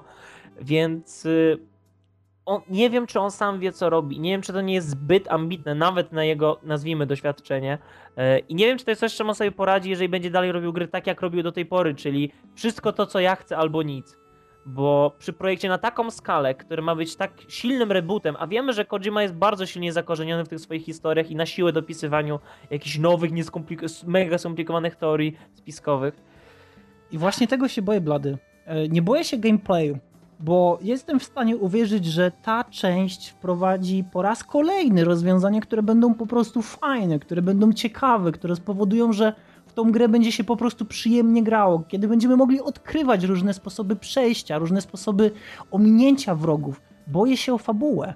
Tego się najbardziej boję, dlatego że wszyscy wiemy, że Kojima ma tendencję do tego, żeby wątki, które pozostały bez odpowiedzi, zastąpić na zasadzie Deus Ex Machina, a więc nanomaszyny albo coś innego, jest odpowiedzią na ten problem. I szczerze powiedziawszy, nie wiem, czy ta seria jest w stanie wytrzymać więcej. W moim mniemaniu ona już nie jest w stanie wytrzymać więcej. Ona naprawdę gameplayowo na pewno będzie super, graficznie wygląda cudownie, dźwiękowo nawet nie będziemy musieli. O, przepraszam, nie. Będziemy mogli się zastanawiać, co będzie, ale jeśli chodzi o samą warstwę muzyczną, na pewno będzie super, ale co będzie z fabułą? Ja nawet nie liczę na jakąś specjalną fabułę. Ja, jeżeli to zagram, to będę to traktował typowo rozrywkowo, a nie jako y, część serii, która kiedyś na mnie, dla mnie naprawdę dużo znaczyła. Bo bardzo podobnie traktowałem czwartego Metal Geara już, że po prostu uważałem, ok, to jest zakończenie serii, które zupełnie mi nie odpowiada, w którym wiele bym pozmieniał, gdzie pojawia się masa wątków, które dałoby radę skończyć na miliard różnych, lepszych, bardziej sensownych sposobów. Ale nie wiem, dla mnie fabuła tutaj nie za bardzo się liczy. Czy ja patrzę bardziej pod względem właśnie gameplayu, zmiany, które Kojima chce wprowadzić, no i technologii, którą rzeczywiście, no jakby nie patrzeć, e, silnik ten Fox e, jest naprawdę imponujący. Nie wiadomo, jak ta gra będzie dokładnie wyglądać na konsolach obecnej generacji, bo ona nie jest jeszcze przygotowywana na PlayStation 4 i nowego Xboxa, tylko nadal na naszą tą generację konsol. I do tej pory widzieliśmy to, co dało radę wycisnąć z niej na PC-tach. A swoją drogą nie wiadomo, czy gra wyjdzie na PC, bo na razie nie mamy takiego potwierdzenia. I to jest dość śmieszne, że oni mówią wprost. To, co widzicie teraz, to jest wersja PC-towa. Na konsolach to będzie wyglądało na pewno gorzej. No, ale wersji PC-towej pewnie nie będzie. Tak, Więc tak. popatrzcie sobie. Ale też pomijając już w ogóle, czy wyjdzie, czy nie wyjdzie, liczę na to, że wyjdzie, to to, o czym mówiłem, czyli warstwa audio, audio, no tak. Powiedzieć Czemu nie ma hejtera? Właśnie, czemu nie ma? W końcu, E, jak to? w końcu nie ma hejtera. E, Ale, W końcu, najwyższa pora. ale to jest tak jak z Ironside'em. Nie, Nie. nie, Jak? nie, To, Odin nie jest, ten- to już nie jest Naked Snake, to jest już inna osoba. To ja powiem więcej. Według mnie hater powinien zniknąć już ze Snake Eatera. Naprawdę. Też się On już. Snake Eater to już był ten moment, kiedy ja naprawdę wiele razy musiałem przymykać oko i nie śmiać się pod nosem z tego, jak hater siłował swój głos. On jeszcze w dwójce był bardzo świadomy tego, co robi ze swoim głosem, podczas w trójce on już naprawdę chciał brzmieć, jakby miał żyletki w gardle. Ale Bizon, my już kiedyś rozmawialiśmy na ten temat i dobrze pamiętam, może nie dobrze pamiętam, nie wiem kto to powiedział, nie wiem kto to cytował, ale ktoś z was cytował wypowiedź hejtera, gdzie on mówił, że jemu się nie podobało to, co robi ze swoim głosem, ale kazali mu tak robić. Tak, tak, ale widzisz, z tego powodu ja cieszę się, że hater już nie musi się siłować i będziemy mieć nowego aktora. I Big Boss już dostał nowego aktora. W czwórce mieliśmy Doyla, który no, może nie miał roli nie wiadomo jakiej, ale pasował do postaci. A jeżeli oglądaliście prezentację Kojimy, nie trailer, tylko tą prezentację, którą on miał, to tam mieliśmy ten gameplay, gdzie on rzeczywiście przez chyba 5 minut po prostu czołga się po podłodze, ale mieliśmy chyba dwa czy trzy słowa wypowiadane przez nowego aktora. Ja nie wiem, czy to jest na razie placeholder, czy to już jest prawdziwy aktor, który będzie podkładał głos pod Snake'a, ale on brzmi naprawdę podobnie do hejtera, ale nie słychać w nim tego siłowania się. Ja wiem, że on tam mówi chyba trzy słowa do tego swojego kolegi na początku, ale to brzmi dobrze, naturalnie według mnie. Ale to ja tego nie wychwyciłem. Tak jest, że oni tam Ale okej. zaczyna się ten, ta sekcja gameplayowa i ten jego kolega z zapandażowaną twarzą go podnosi czy coś i wtedy Snake'u mówi do niego chyba dwa czy trzy słowa i to brzmi wiem, że on mu na samym początku robi zastrzyk z czegoś, jak go tam wyciąga z tego łóżka i No, potem mu no. mówi, że najwyraźniej zastrzyk nie zadziałał. I Snake'u coś do niego mówi wtedy też. No ja bym musiał to teraz sobie obejrzeć znowu, bo ja to Też oglądałem z tydzień temu. O, w dupę! Znaczy ja myślę, że to, że hater grał Naked Snake'a, to był już błąd, ponieważ no to było głównie dla fanów zrobione, tak? Ponieważ oni chcieli na siłę wciągnąć do tego świata Metal Gear'a ludzi, którzy bardzo silnie polubili postać Solid Snake'a, więc dlaczego on miał ten sam głos? No dobra, to była Może taka inaczej. wtedy. Japoński już był od cza- ale już był- pasuje, blady. Ale od Suka naprawdę pasuje zarówno do Solid Snake'a, jak i do Big Bossa, bo on po prostu ma taki głos, on nie musi go siłować. Mhm. I chyba dlatego pomyśleli, no dobra, no to w, taki razie, w takim razie skoro Naked Snake i Solid Snake w japońskiej wersji mają ten sam głos, to tutaj też musimy ściągnąć hejtera i pewnie w ten sposób to tak wyszło. Znaczy ja bardzo lubię hejtera, to jest naprawdę fajny facet, uwielbiam wywiady z nim yy, i naprawdę szanuję i dziękuję za to, co zrobił dla serii, ale ja myślę, że już ten mm, na Vita, ten, nie, no, nie na Vita, na PlayStation Portable yy, Peace Water, to już była okazja, to było na Vita czy na PlayStation Portable? Na PSP, tak. Na PSP, to już był czas, żeby wprowadzić nowego aktora, ponieważ no sam Big Boss, no on się, to już nie jest właśnie Naked Snake, już był czas, żeby wprowadzić nową postać, yy, znaczy nową osobę do podkładania głosu. Nie wiem czemu, słyszałem, że nie będzie jednak Doyle nowym Big Bossem jednak. Mhm. Co, co jest dziwne, bo właśnie czwórka była dobrym miejscem, żeby nas przygotować na to, że słuchajcie, Big Boss się starzeje, najwyższa pora już się pożegnać z, z hejterem. Zobaczymy, co będzie. Ja znowu narzekam, że to jest Big Boss, a nie Solid Snake, ponieważ w jego życiorysie było dużo do powiedzenia. Tak samo Liquid Snake mógł być świetną e, osobą do stworzenia gry w oparciu o jego historię właśnie z czasów, kiedy był w SAS. Tym bardziej, Mhm. że Cam Clark jest po prostu rewelacyjnym aktorem głosowym, którego nie mogę się nasycić w grach, bo jest go strasznie... Brado! Brawo! Nie, teraz wyszedł to solo, nieważne. E, Więc y, może to dobrze, jeżeli oni chcą tak wiele rzeczy nowych zrobić, a jednocześnie nam przypomnieć o tym, co jest silnego i dobrego w serii, to ja, mam, ja daję im naprawdę zielone światło, bo tak jak wiele rzeczy mnie mogło do tej pory niepokoić, tak myślę, że trochę tych niepokojów mi się e, udało pozbyć i ja, ja jestem zadziwiająco pozytywnie nastawiony, jeżeli chodzi zarówno o Ground Zero, Phantom Pain, jak byś tego nie nazywał. Ja myślę, że my z Odinem też jesteśmy pozytywnie nastawieni mimo wszystko. Ja czekam na jakiekolwiek nowości i naprawdę czekam na to, że oni powiedzą naprawdę to wyjdzie na PC-ta. Bo, ja też mam taką bo, nadzieję. bo oni zapowiadali niby, pamiętam, że było coś powiedziane przy okazji gameplayu Ground Zeroes, że to wyjdzie na PC-ta, tymczasem do dzisiaj nie wiemy o tym nic, żadnych nowych informacji. A skoro gra śmiga na PC, skoro to co widzimy jest wygenerowane na PC, tak jak zresztą zawsze, to myślę, że nie ma yy, Ale powodu... Wikipedia nie mówi, że jest na PC, a Wikipedia się nigdy nie myli. A, a chociaż nie, no Rising też miał być na początku na PC. Dobra, Ech. dobra. Ciężki temat, ciężki temat. Kończmy proszę. DualShock Podcast. Nie boimy się naprawdę ciężkich tematów. Okej, w trakcie zakończenia Beata starała się wyłączyć lampkę. E, lampka na nią spadła. Beata z... o, Zbieraj ją z podłogi. powiedz mi, jak ty to robisz? Odejdź, odejdź, odejdź. Mówimy o, teraz o grze, która jest chyba największym hitem pierwszego kwartału roku. A co ze Sniper Ghost Warrior 2? Grałem, dobra gra. Chociaż nie, bo tak naprawdę będzie, ta gra ma dużą konkurencję z rebootem Tomb Raidera, ale e, Blady teraz będzie mówił o Bioshock Infinite. Będę mówił i teraz, żeby mówić o Bioshock Infinite, trzeba wziąć pod uwagę parę czynników. Po pierwsze, nie jestem jakimś wielkim fanem serii, ponieważ jedynka była jedną z moich ulubionych gier do grania jako demo na Xboxach wtedy, kiedy wyszło, kiedy to była nowość. I później zabierałem się za pierwszego Bioshocka naprawdę wielokrotnie, ale zawsze była jakaś inna gra, zawsze było coś na przeszkodzie, więc koniec końców, o ile znałem historię Rapture, o ile znałem gameplay, o ile znałem całe demo na pamięć, tak dopiero Bioshock Infinite był moim pierwszym kontaktem z takim naprawdę ogromem wspaniałości, które tworzy Ken Levine i jego ekipa. I Bioshock Infinite poniekąd jest grą o dwóch twarzach i jest grą, którą trzeba rozumieć na dwa różne sposoby.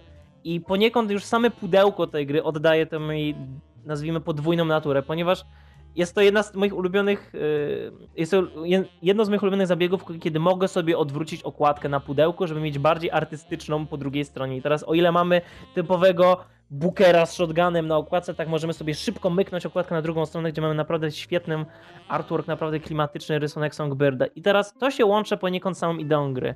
Czy przez Bioshock Infinite można wejść, nie wiedząc nic zupełnie o świecie, czy można przebiec przez niego środkiem, strzelając do wszystkich, yy, nie bawiąc się w odkrywanie zadań pobocznych i po prostu strzelając, bo nam się to podoba? Tak, można i można przejść tę grę naprawdę idąc sobie środkiem, nie przejmując się niczym i nikim, a i tak mamy kontakt z tą świetną Kolumbią, z tymi naprawdę rewelacyjnymi aktorami, którzy wykonują niesamowitą pracę, bo ja się trochę bałem, ponieważ tak wysoko podniesiono poprzeczkę, ciągle reklamując tych naszych dwóch aktorów, pana. Mm, o, moja pamięć do nazwisk. Ogólnie Pana- zarówno. a- Pana, Aktor- ale ja, ja myślę, że bardziej ta postać Elizabeth była jednak promowana jako bóstwo A, praktycznie. i właśnie, ale widzisz- Ja, chcia... dobra, dobra, ja chciałem zapytać, dlatego że e, postać Elizabeth była cały czas zmieniana i powiedz mi, czy w tej wersji, w której ona występuje w grze, czy jesteśmy w stanie jej coś zarzucić?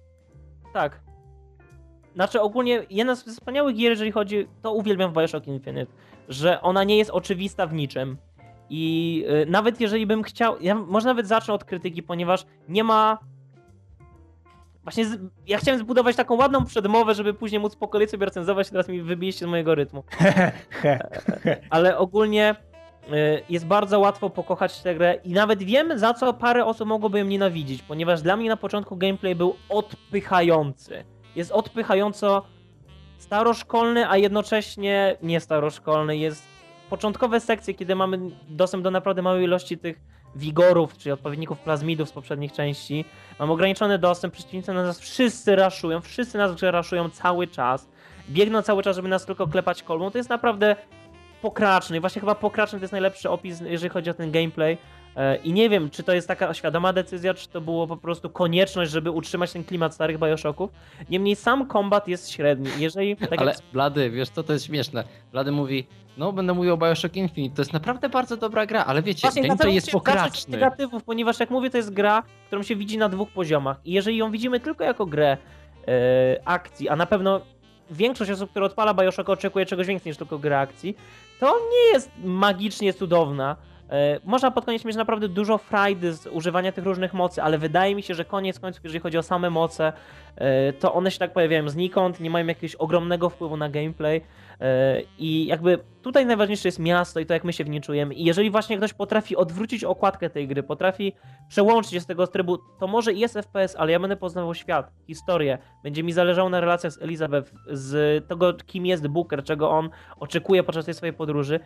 Wtedy gra naprawdę pokazuje skrzydła i wtedy naprawdę jest fenomenalna i e, ona jest moim teraz kandydatem do gry roku, jeżeli mówimy o 2013, ponieważ zachwyciła mnie swoim początkiem i absolutnie zmiażdżyła mnie swoim fenomenalnym zakończeniem. Ale fenomenalnym i biorąc pod uwagę jak wiele gier w tym, w tym roku teraz i tak samo w zeszłym wyszło i miało naprawdę beznadziejne zakończenia, tak to co robi Bioshock Infinite z nami, to jest doskonała podróż i jest tylko jeden zgrzyt i to jest środkowa sekcja gry, która tam trwa może godzinkę, dwie, kiedy gra traci tempo, ale pomijając tą godzinkę, dwie, gra cały czas nas trzyma na krawędzi krzesła. I teraz czemu właśnie ta Elizabeth? Elizabeth na przestrzeni gry yy, się naprawdę rozwija, ale też trochę za szybko, myślę. Ja myślę, że bym wolał więcej czasu i sama gra wydawała mi się gameplayowo za długa, ponieważ właśnie ta środkowa sekcja jest takim typowym growym momentem w stylu teraz zdobądź to, to i to, a my to sztucznie rozsypiemy po mapie, żebyś mógł długo chodzić. To jest taki typowy padding, tak? Ja bym, jeżeli chodzi o gameplay, bym wolał, żeby gra trwała może 7 godzin. E, Niemniej dla fabuły chciałbym więcej czasu. Ale kiedy gra już właśnie podnosi z powrotem ten swój kapelusz opowiadania fabuły, to utrzymuje naprawdę tak niesamowicie wysoki poziom. I relacje z Elizabeth, właśnie wszyscy teraz mówicie właśnie, że bo ona była najsilniej promowana, ale kim byłaby Elizabeth, gdyby nasza postać nie miała dobrego głosu, gdyby główny aktor grający Bookera nie mógł oddać jego naprawdę podwójnej natury. I żeby zrozumieć w pełni, to trzeba naprawdę przejść, ponieważ sam Booker i jego przemiana i to, jak my go poznajemy i tajemnice, które on skrywa, to jest naprawdę świetne. I ja się bałem właśnie, że biorąc pod uwagę, że to jest jednak kontynuacja tej filozofii Bioshocków, to będziemy mieli głównego bohatera, który jest takim biernym uczestnikiem wydarzeń, e, który na koniec ma jakiś wielki plot twist. Jednak tutaj cały czas oni potrafią utrzymać Bookera w tej grze i my się czasem czujemy źle z tym, jakim on był kiedyś hamem. My cieszymy się, kiedy on znajduje chwilę, żeby grać na gitarze i wtedy Elizabeth tańczy i da, da, daje pomarańcze jakiemuś dziecko, ale później on wspomina jakieś swoje wydarzenia z wojny, kiedy był po prostu totalnym, no był po prostu bestią i tak dalej i my się czujemy z nim źle, a jednocześnie mu kibicujemy. To jest ha, naprawdę wspaniałe, jak oni potrafili to ująć. Ale jak wspomniałem, chciałem najpierw zacząć od pewnych wad. Ja przez cały czas grania miałem jedno zdanie w głowie, ponieważ kiedy oglądaliśmy ten filmik o tworzeniu Elizabeth, z tego, że tam są cztery różne kobiety, które przysłużyły się temu, żeby ona powstała taka, a nie inna, oni mówili o wielkiej uwadze, którą mają do tego, żeby Elizabeth nigdy nie przypominała nam, że jesteśmy w grze, żeby nie utracić tego poczucia, tego dziwnego wrażenia, że może ona byłaby prawdziwą osobą. Chodzi ci o to, że jej zachowania mają być naturalne i nie ma być określone jakimiś skryptami i nie ma zatrzymywać mnóstwo się na w przykład miejscu. rewelacyjnych momentów, kiedy na przykład Mhm. się na nas obraża fabularnie, a my do niej podchodzimy, to wtedy ona prycha, czy odwraca głowę. Innym razem, kiedy, nie wiem, ją świeżo uratowaliśmy, to ona wtedy będzie taka bardziej, nie wiem, otwarta i też jej poza, którą ona przyjmuje, ponieważ ona zawsze się rozgląda po mapie, ona zawsze, nie wiem, rozgrzewa e, dłonie, kiedy na chwilę się zatrzymujemy przy jakimś ognisku, ona zawsze e, się rozgląda, cały czas nam pomaga też szukać różnych itemów, podnosi dla nas różne przedmioty. Ona jest cały czas uczestnikiem wydarzeń, ona nie jest tak niezwykłym kompanionem, który za nami ślepo podąża. Co więcej, ona w czasie walk nigdy nie jest y, piskliwa i potrzebujemy jej szybko biec na ratunek, ponieważ o, musisz ją teraz ochraniać. I ona sobie zawsze radzi.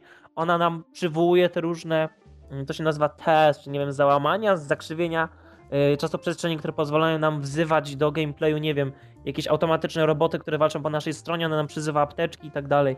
co prawda, i chyba największą, jakby największym zrzutem jest to, że ona nigdy nie jest wykorzystana w ten sposób, jak było to pokazane w tym pierwszym, pierwszym filmiku. Ja pamiętam, jak oglądaliśmy w 2010 roku y, pierwszy filmik z Bioshock Infinite, kiedy ona przyzwała taką ogromną kulę materii złożoną z jakichś tam garnków i sztućców. Tego nie ma, niestety. Jedyne, co ona nam pomaga, że to są właśnie przyzwania jakichś określonych elementów na mapie.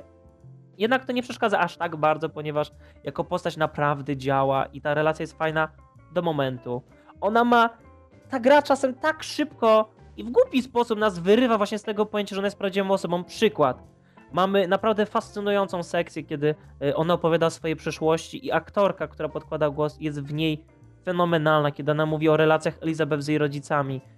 I jest takie fenomenalne ściszenie, kiedy się zbliża koniec tej ścieżki nagranej dialogowej.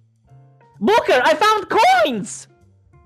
Po prostu gra odpaliła y, y, skrypt, w którym ona podnosi monety. I dla mnie to był moment, który mnie tak oderwał właśnie wtedy z tego poczucia, że ona jest prawdziwą osobą. I to się niestety często zdarza. Albo kiedy odtwarzamy te voxafony, to jest odpowiednik tych dyktafonów, które w Rapture opowiadały historię, tutaj też mamy takie y, y, audio pamiętniki. I bardzo często jest tak, że słuchamy jakiejś naprawdę świetnej, emocjonującej, wzruszającej sekwencji. Na przykład pamiętam była jedna, kiedy jeden z żołnierzy tego Comstocka, tego przywódcy y, Kolumbii opowiada o tym, jak był zmuszony torturować jakieś dziecko, które było y, posłańcem używanym przez ruch oporu. I on opowiada o tym, jak musiał mu uciąć nogi, y, żeby tam zmusić się do płaczu, coś takiego. On opowiada o tym, opowiada. I nagle się włącza jakaś sekwencja, ponieważ przeszedłeś i odpaliłeś skrypt innych tekstów. I to jest wtedy wyciszone gdzieś w tle leci ta reszta tego voxafona. Także są takie małe elementy, które wybijają z klimatu. I, i wtedy gra po prostu wymusza nas, okej, teraz się zatrzymaj i po spokojnie wysłuchaj, żeby broń Boże nie odpalić skryptu gdzieś dalej. E... I poniekąd to jest wada, że mnóstwo, tek- mnóstwo historii jest opowiedzianej właśnie przez te audiopamiętniki e... i za mało gra opowiada moim zdaniem fabuły samą lokacją, ponieważ jak spojrzymy y, na Half-Life'a y, pierwszego, to Black Mesa na całej swojej przestrzeni opowiadał historię. Cały czas miało jakieś wycinki y, z gazet, miało cały czas jakieś dyplomy, plakaty, rzeczy, które opowiadają historię. Tutaj jak jesteśmy raz wrzuceni do Kolumbii i ją poznamy, to jaka by ona nie była fascynująca, to ona tą Kolumbią pozostaje. A szkoda, ponieważ można było powiedzieć moim zdaniem o wiele więcej nie tylko tekstem, nie tylko słuchając tekstu, ale właśnie obserwując różne wydarzenia, historie. Yy, także pod tym względem może nie jest idealnie, ale i tak gra jest naprawdę bardzo, bardzo dobra i właśnie jakikolwiek można mieć yy, co do samego gameplayu, czy do jakichś mniejszych, pobocznych wątków, które poboczne wątki są słabe w tej grze, ale ta gra utrzymuje tak wysokie tempo, jeżeli chodzi o głównie o zakończenie, utrzymuje takie tempo, jeżeli cały czas nas zaskakuje i to jest świetne. Ta gra nie pozwala się nam nigdy czuć yy, swobodnie i też ona bardzo fajnie miesza style. Miesza style też do momentu, w którym niektóre elementy moim zdaniem nie miały dość czasu, żeby się rozwinąć. Mamy sekcję, kiedy jesteś, ukrywamy się na ulicach Kolumbii i okradamy tam ludzi w domach. Ta sekcja jest tylko raz. Mamy sekcję, kiedy pomagamy wspomnianemu ruchowi oporu. Ta sekcja jest tylko raz. Więc y, może gdyby tego było więcej, może gdyby y, gra była dłuższa albo była rozbita na epizody, bo mogło być to trochę lepiej rozwinięte, jednak y, nie chcę brzmieć jakbym miał więcej krytyki, ponieważ gra jest naprawdę fenomenalna, a zakończenie wywinęło mnie na lewą stronę, zmusiło do myślenia. Ja chodziłem po mieszkaniu, nie mogłem do 5 rano spać, ponieważ czytałem sobie później w internecie interpretacje i spojrzenia, ponieważ nic tu nie jest oczywiste. Jednocześnie to nie jest taki typowy sztuka dla sztuki. Tu jest na przestrzeni całej gry mamy tyle różnych yy, yy, środków, które pozwalają nam tworzyć nasze interpretacje, które pozwalają nam spojrzeć na to wszystko, co się dzieje. Yy, ja dzisiaj stoczyłem bardzo długą debatę z, z, z moim kolegą, który też ukończył Bioshocka, który jest fanem Bioshocków yy, i po godzinie analizowania naprawdę dogłębnego całej gry stwierdziliśmy, że o mój Boże, ile my mamy jeszcze do omówienia. Więc ja myślę, że żeby oddać w pełni y, ogrom i głębię tej gry, ja przygotuję coś w stylu moich Mass Effectowych y, felietonów, może nie tak długich, ale ja naprawdę postaram się przejść teraz pierwszego Bioshocka, który dostałem gratis do trójki i jakby głębiej spojrzę na fabułę, ale jak mówię, nie chcę ani jednego spoilera teraz nie powiedziałem z bardzo zamierzonego powodu. E, Nie będę niczego spoilował, więc jeżeli ktoś będzie chciał poznać taką dogłębną analizę ze spojrzeniem na tematykę, na odniesienia, na wskazówki, które gra zostawia na swojej przestrzeni, to wtedy odeślę do felietonu, ale na tą chwilę chyba wystarczy mi powiedzieć, że to jest naprawdę fenomenalna gra. Warta każdej minuty, którą na nią czekaliśmy przez te 3-4 lata, kiedy powstawała. Osiągnęła naprawdę mnóstwo rzeczy, mimo że jest ograniczona przez gameplay, który jest naprawdę ograniczony pod wieloma, wieloma względami. I grą, która mnie czasem faktycznie kiedy mnie wyciągała z tego swojego klimatu, kiedy przypominała mi, hej, jestem tylko grom, ale koniec końców tylko grom nie jest czymś naprawdę więcej i pokazuje, że gry potrafią być dziełem sztuki i nie tylko naśladując filmy, ale będąc samym sobie medium, samemu sobie tworząc drogę i jeżeli Ken Levin jest jedną z tych osób, które tworzą drogę dla opowiadania fabuły w grach, niech dowodzi, bo naprawdę zrobił to świetnie. Ja chciałem tylko dodać, że em, ja nie miałem okazji zagrać w Bioshock Infinite, ale mój znajomy zaopatrzył się w Bioshock Infinite i rzadko się tak zdarza, wydaje mi się, żeby ktoś pisał do ciebie i mówił tak, Odin, ja ci dam swoje hasło i swój login do Steama, zagraj w Bioshock Infinite, do it. Ja mówię, nie no, daj spokój, tak chyba nie powinno się robić. Nie, zagraj w Bioshock Infinite. Tak więc być może ko- skorzystam z tej, z tej oferty i myślałem, Blady, że Odin, nie, to jest warte kupienia. Ja miałem dzisiaj taki moment właśnie, kiedy ale ja na pewno kupię, to nawet nie... Ale ja miałem w ogóle tak bolesny moment zdania sobie sprawy, jakim ja jestem nerdem i fanem Bioshock Infinite, że ja żałuję, że kupiłem podstawową edycję, a nie kolekcjonerską. Mm, Bo oni, ja, mam, bo ja zapłaciłem im zbyt mało za tę grę. ja mam pierwszą i drugą część w pudełku, drugą część w pudełku kolekcjonerskim. E, to był całkowity przypadek, że kupiłem dwójkę jako kolekcjonerkę. E, I szczerze powiedziawszy, wydaje mi się, że obie gry są warte zagrania. I jeśli mówisz, że Bioshock Infinite jest grom, znaczy, ja, że jest grom, jest grom, w którą tym bardziej warto zagrać, to, e, to szczerze powiedziawszy, no pozostaje mi tylko i wyłącznie wyczekiwać tego momentu, dlatego że ja wiem, że ja muszę kupić Bioshock Infinite, bo to już jest rodzina, która musi się po prostu wzbogacić o kolejnego członka, ale, ale myślałem, że zasugerujesz, żeby zrobić spoiler alert, no ale skoro, skoro bardziej coś w stylu Mass Effecta, dlatego że ja pewnie też będę e, O, to jeżeli, jesteś, no. jeżeli się piszesz, to możemy właśnie wymyślić nawet może jakiś cross video projekt, panie, O, ponieważ też rozmawialiśmy właśnie o kontynuowaniu idei i robieniu właśnie takich filmów, które byśmy łączyli nasze występy, więc to byłaby bardzo dobra okazja. Jednak ja teraz patrzę w stronę Bizona, który się jeszcze nie wypowiedział, jeżeli chodzi o jego stanowisko, a Bioshocki. Nie, Bizon mówił w trakcie twojego, twojej wypowiedzi, mówił hmm. Ale nie, ja od pierwszych trailerów jestem zachęcony, tylko mnie dalej blokuje to, że ja do tej pory nie grałem w pierwszego Bioshocka, chociaż miałem okazję, bo on nawet był darmowy przez jakiś czas na jakiejś tam stronie.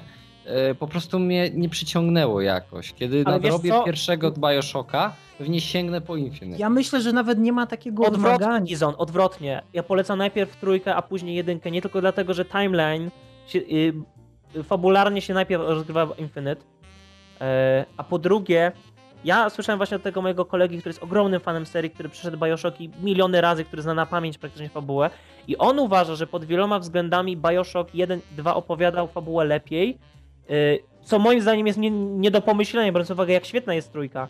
E, więc y, ja myślę, że Bioshock Infinite jest świetny właśnie dlatego, że ma tą podwójną naturę bycia też zwykłą grą. A jednak Bioshock i te poprzednie mogłyby odrzucić tą swoją korytarzową naturą wrzucania nas naprawdę gęsty świat. Bo jednak Kolumbia i sama Elizabeth, ona rozładowuje napięcie. I nawet jakie by y, trudne czasem sekcje się nie, nie zdarzały w grze i jakie by trudne momenty nie były, tak mi to odpowiada, że pewne rzeczy zostały złagodzone, może. Nie wiem, czy złagodzone to jest dobre słowo przy grze, która jest tak odważna mimo wszystko. Jednak z tego, co słyszałem z zapowiedzi mojego kolegi, Bioshock 1 y, robił równie odważne rzeczy, ale nigdy później nie nadrabiał niczym pozytywnym. A jednak koniec końców Bioshock zostawia, Infinite pozostawia naprawdę pozytywne wrażenie w serduszku.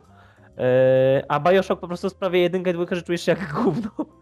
Więc yy, nie wiem, ja nie mogę się doczekać i cieszę się poniekąd, że zacząłem od Infinita właśnie tylko po to, żeby a. poznać historię chronologicznie, b. żeby teraz ta gra mnie przygotowała na ten niezwykle gęsty i ciężki klimat Rapture. Bo jakby nie patrzeć, samo Rapture to jest już świat, który upadł, to jest świat przeżarty przez y, chciwość i nienawiść ludzką, a w Bioshock Infinite, mimo że ci ludzie są jakby pod władaniem tego złego Comstocka, to oni nadal mają coś w sobie ludzkiego, oni żyją w tym świecie, gdzie jest rasizm, gdzie jest ten ekscepcjonalizm amerykanizmu, jest takie słowo, nie wiem, y, jakby wywyższanie amerykańskości i dominacji białej rasy, ale mimo wszystko czasem widać te elementy ludzkości, a w Rapsie już tej ludzkości nie ma, jesteśmy tam tym jedynym małym płomyczkiem, a jednak tutaj jest często jasno, więc ja myślę, że mnie bardzo dobrze przygotował do, y, do teraz wyruszenia pod wodę. Ktoś się Bizon wypowiedział. Nie, no, zrobiłem ci, przepraszam, ale Tak, zrobiłem ci wstęp, Bizon. zrobiłem ci wstęp, Bizon. O to chodziło. I tym samym doszliśmy do końca tego tematu. Ptasia.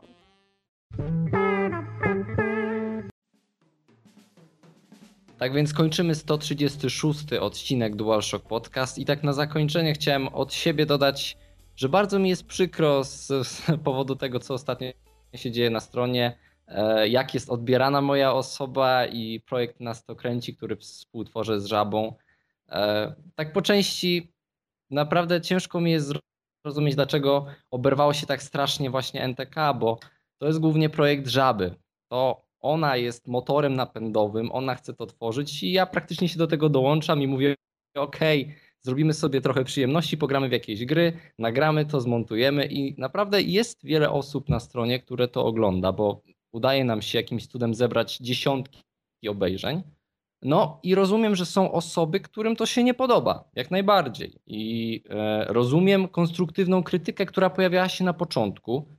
Pokazywali się ludzie, którzy mówili, że nie będą tego oglądać. Okej, ale ostatnimi czasy na stronie zaczyna się dziać coś dziwnego. Jeżeli ja tylko wspomnę, ja albo Frog, o nas to kręci, to dzieją się dziwne rzeczy. Zaczynają się sarkastyczne komentarze, zaczynają się komentarze w moim kierunku również. I ja początkowo zaczynałem grać do tej gry i też sobie tak może trochę cynicznie żartować z niektórych, ale po pewnym czasie po prostu się zdenerwowałem i e, no już Odin pisał o tym i w momencie, kiedy wyjdzie ten podcast, to być może jeszcze coś się zmieni w tej sytuacji, ale e, na dzień dzisiejszy po prostu jest mi przykro, bo ja wiem, że są też osoby, które no, mogą mnie nie lubić.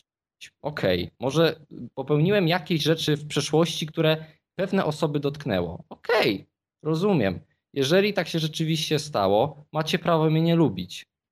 Ale nie rozumiem, dlaczego teraz nagle wszyscy się rzucają na mnie, robią ze mnie despotę, który no, praktycznie niszczy cały ten przyjazny klimat, bo tak to wygląda teraz.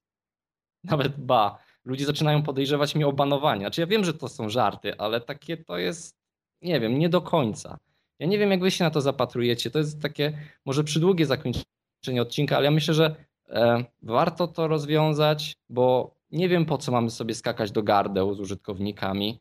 Ja prawdę mówiąc zaczynałem myśleć już o zupełnym zakończeniu nagrywania nas to kręci dla DualShocka i przeniesieniu się po prostu gdzieś indziej z tym jednym projektem, bo nie widzi mi się dodawać kolejnych odcinków, jeżeli za każdym razem, kiedy o tym napiszę, zalewać mnie będzie fala negatywnych komentarzy, które nie będą konstruktywną krytyką, tylko zwykłymi złośliwościami. Nie rozumiem tego. Przecież jesteśmy poważnymi ludźmi, dorosłymi, więc dlaczego zachowujemy się jak dzieci z, no, praktycznie z piaskownicy? Prawda, tym bardziej, że wszystko, co my robimy na stronie, e, robimy pro bono, tak? My działamy po to, żeby rozśmieszać, żeby bawić i tak dalej. I tak jak wiem, że są osoby, które nie lubią Mass Effecta i nie oglądają moich filmików, tak są może osoby, które nie lubią nas to kręci i nie oglądają Bizona i Żaby filmików. Więc jeżeli kto, komuś coś nie odpowiada, trudno, my nie możemy tworzyć materiału dla wszystkich. Sami mamy naprawdę mnóstwo swoich zajęć innych, więc staramy się naprawdę bardzo regularnie wypuszczać nowe podcasty. Czasem mamy ochotę po prostu nagrać Cinema Shocka. Czas, kiedy teraz nagraliśmy, mówiłem Bizonowi, jak ja, jak, jak mi wiele dało energii do tworzenia kolejnych DualShocków, to, że sobie zrobiliśmy chwilę przerwy, porozmawialiśmy sobie o filmach, mogliśmy sobie spokojnie e, jakby wyjść z tego cotygodniowego nagrywania DualShocków, które czasem, i przyznaję, są mechanicznie niektórych momentach przez nas robione.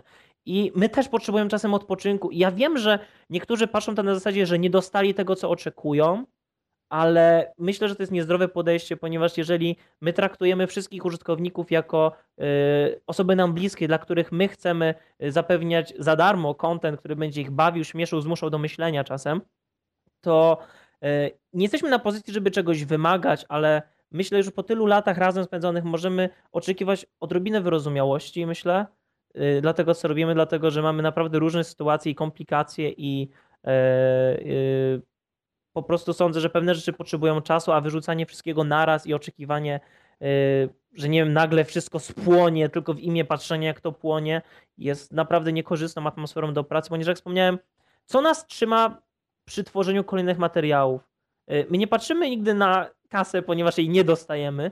Patrzymy na reakcję ludzi, na to, jaki jest klimat na stronie. Ja wiem, że jest dużo osób, które po prostu patrzą, im się podoba i nie zostawiają komentarza, więc tym bardziej to boli, kiedy jedyne komentarze, które są po prostu wychodzą negatywne i yy, nie można tworzyć wszystkiego, co będzie odpowiadało wszystkim. Niemniej myślę, że taka ni niczemu nie służąca yy, sytuacja, w której ktoś po prostu krytykuje i neguje, jest naprawdę ograniczająca, jeżeli chodzi o kreatywność, którą my naprawdę się staramy utrzymywać, mimo tego, że robimy to w miarę regularnie i coraz częściej. Ja sam się zmusiłem do tego, żeby częściej robić wideofelietony. Każdy z nas daje z siebie coraz więcej, mimo że to robimy od tak dawna i po prostu chcemy dalej to robić i właśnie dla was, tak? Bo to dla nikogo innego nie powstaje. Ale wiesz, Blady, ja rozumiem krytykę, bo krytyka jest ok, tak, tak samo na początku nas to kręci, dostawaliśmy dużo krytyki i ustosunkowywaliśmy się jakoś do niej i może wprowadzaliśmy zmiany, czasem nie wprowadzaliśmy zmian, ale to, co się dzieje teraz, to nie jest krytyka, tylko zwyczajna złośliwość i uszczypliwość ze strony użytkowników. I tak jak mówię, rozumiem, że mnie nie lubicie, możecie nie lubić nas to kręci, spoko, ale są osoby, które to jednak oglądają, które to lubią i dla których ja to chcę wydawać na DualShocku. Jeżeli mi będzie, będziecie to utrudniać w ten sposób, to ja myślę, że się po prostu zabiorę z nas to kręci i zostanę tutaj jako podcaster, bo, bo no zwyczajnie ten klimat mi już nie odpowiada i no to jest ogromna przykrość dla mnie. Może nie wiem, Odin, masz coś do dodania jeszcze? E, tak, to znaczy ciężko mi jest to skomentować w taki rzeczowy sposób, bo ta dyskusja tak naprawdę ona wymaga znacznie więcej czasu i znacznie więcej przemyśleń i myślę też zaangażowania tej drugiej strony, tak żeby to nie było całkowicie jednostronne. Niemniej myślę, że to, do czego zmierzamy, tworząc DualShock Podcast, to jest tak naprawdę kontakt e, z ludźmi, którzy tego słuchają. I ja dzięki DualShockowi poznałem wiele naprawdę wspaniałych ludzi. Byłem w stanie poznać Was. Nagraliśmy kawał historii, tak naprawdę. I to nie tylko związanej z grami, ale też z nami, z nami samymi. I wydaje mi się, że warto jest wznosić się ponad podziały i ponad wzajemne nieporozumienia, dlatego że w ostatecznym rozrachunku tak naprawdę nikt na tym nie zyskuje. I wydaje mi się, że mimo wszystko, nawet jeśli ktoś może czuć się poszkodowany, albo ktoś może czuć chęć do tego, żeby robić komuś na złość, to tak naprawdę nikt na tym nie zyskuje. I nawet robiąc sobie te uszczypliwe uwagi, one w pewnym momencie wychodzą już poza granicę tego, co powinniśmy robić, dlatego że zaczynają po prostu, tak jak ty mi powiedziałeś, kiedy rozmawialiśmy, jest ci przykro i wydaje mi się, że to jest najistotniejsze tutaj do powiedzenia, że to przestaje denerwować, to po prostu powoduje, że człowiek czuje się mało wartościowy, jest mu smutno i e, po prostu zaczyna rezygnować. I jeśli to było celem tego wszystkiego, e, to gratuluję. Natomiast wydaje mi się, że celem było zdenerwowanie, celem było sprowadzenie do tego parteru i to już wydarzyło się dawno temu. Tak więc jeszcze raz proszę, starajmy się zachowywać tak, wszyscy tutaj, żeby później móc normalnie ze sobą rozmawiać. I myślę, że to jest najlepszy moment na zakończenie tego, tego podcastu, tak żeby to nie, nie, nie przerodziło się właśnie w taki żal z dupy. Po prostu staramy się robić dla Was tyle, ile jesteśmy w stanie. Każdy z nas popełnia błędy. Ja, Bizon, Blady, każdy z nas. Ale zauważcie, że mimo wszystko staramy się spotykać co tydzień i mimo wszystko staramy się ze sobą rozmawiać i otwierać się przed Wami i przed, e, przed innymi słuchaczami i przed sobą, e, bo po prostu chcemy stawać się lepszymi ludźmi, nawet przez te nagrania. I, i tak długo, jak to będzie działać, jak to będzie funkcjonować, to ja widzę sens w robieniu tego wszystkiego. Natomiast jeśli to przerodzi się, mam nadzieję, że się nie przeradza, ale jeśli przerodzi się w taką studnię, w którą po prostu ludzie będą wrzucali nienawiść i, i złośliwość, i żarty, to tak naprawdę kto zostanie na tej stronie? Kto będzie w stanie wytrzymać to wszystko? Więc y, po prostu mam nadzieję, że będzie lepiej i żegnam się z Wami w tym 136 nagraniu DualShock Podcast. Z tej strony mówi Wam na razie Odin. I mówi Bizon. I mówi Blady. To powiem Wam tylko jedną rzecz. E, tak Tak abstrahuję, mi się lać zachciało. tak mówiąc o tym, tym, o tym Tomb Raiderze, to mi się coś przypomniało. Przez Spec Opsa jakoś dziwnie nie mogę przyjąć do wiadomości tego, ile ona ludzi tam zabija i nie robi sobie to jest nic z tego. Po E, prostu... Ja najbardziej po prostu pokochałem te e, komiksy w stylu Boże, jak mi zimno! Ci wszyscy ludzie, których zabiłam, tak dobrze ubrani. A, mam pomysł i zaciąga ich do, wiesz, do ogniska, nie? Lepiej się pali. No widziałem, widziałem, ale wiesz, ale samo to, że ona wbija ten czekan im kark, wiesz, zabija tam setki osób, ale nic sobie z tego nie robi, nie? Tak tylko O pierwsza tym osoba, właśnie na którą Game zabija. To bardzo podkreślali, że, że gameplay nie idzie w ogóle w parze z narracją, fabułą i w ogóle odczuciem, które chce budować gra. Albo to, że A bez spoilerów, mech! nie, jele, nie muszę go zabić, żeby przetrwać, a później jeb z granatnika, plus tysiąc punktów w multikill zwierząt, nie? Czyli to działa w ten sposób, że o, biedny jelonku, mam nadzieję, że nie miałeś rodziny, a potem do jakiegoś gościa jeb w oko! O, ale jest zabawna, nie? Ja, pomijając historię, to gra jest bardzo dobra. A, zabawna, już myślałem, że jeb w oko i ona tak, wiesz, wyciąga do niego palec i idzie tak jak ten Nelson z Simpsonów. Ha, ha! A i ciekawostka, co to, to żaba wymyśliła. Y, ona mówi, że są dwa słowa, które wypowiedziałem do niej w ciągu całego naszego trzyletniego związku. Dwa słowa, które mówię częściej niż kocham cię. To są chowaj się za osłoną i przeładuj. Dobrze.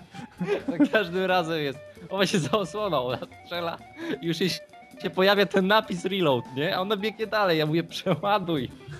Ale w końcu pod koniec się nauczyła. Um, Przeładuj. no, Amazing, let's go! Snake, my, my father, amazing. E, Blady, wprowadzać cię jakoś, czy... Tak, A mam ja? Możesz. Tak, Dobrze. Wprowadzać cię jakoś tak, zagryzaj poduszkę, wchodzę na sucho.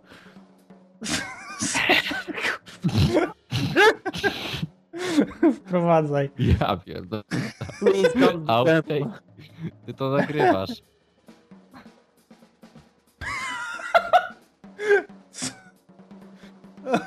Sorry, ja mam dzisiaj taki humor. Kolega mi podesłał zdjęcie, zdjęcie obrazek. O, tak. Widziałem, na kwestii. Good boy. Uwaga, to zaczynam.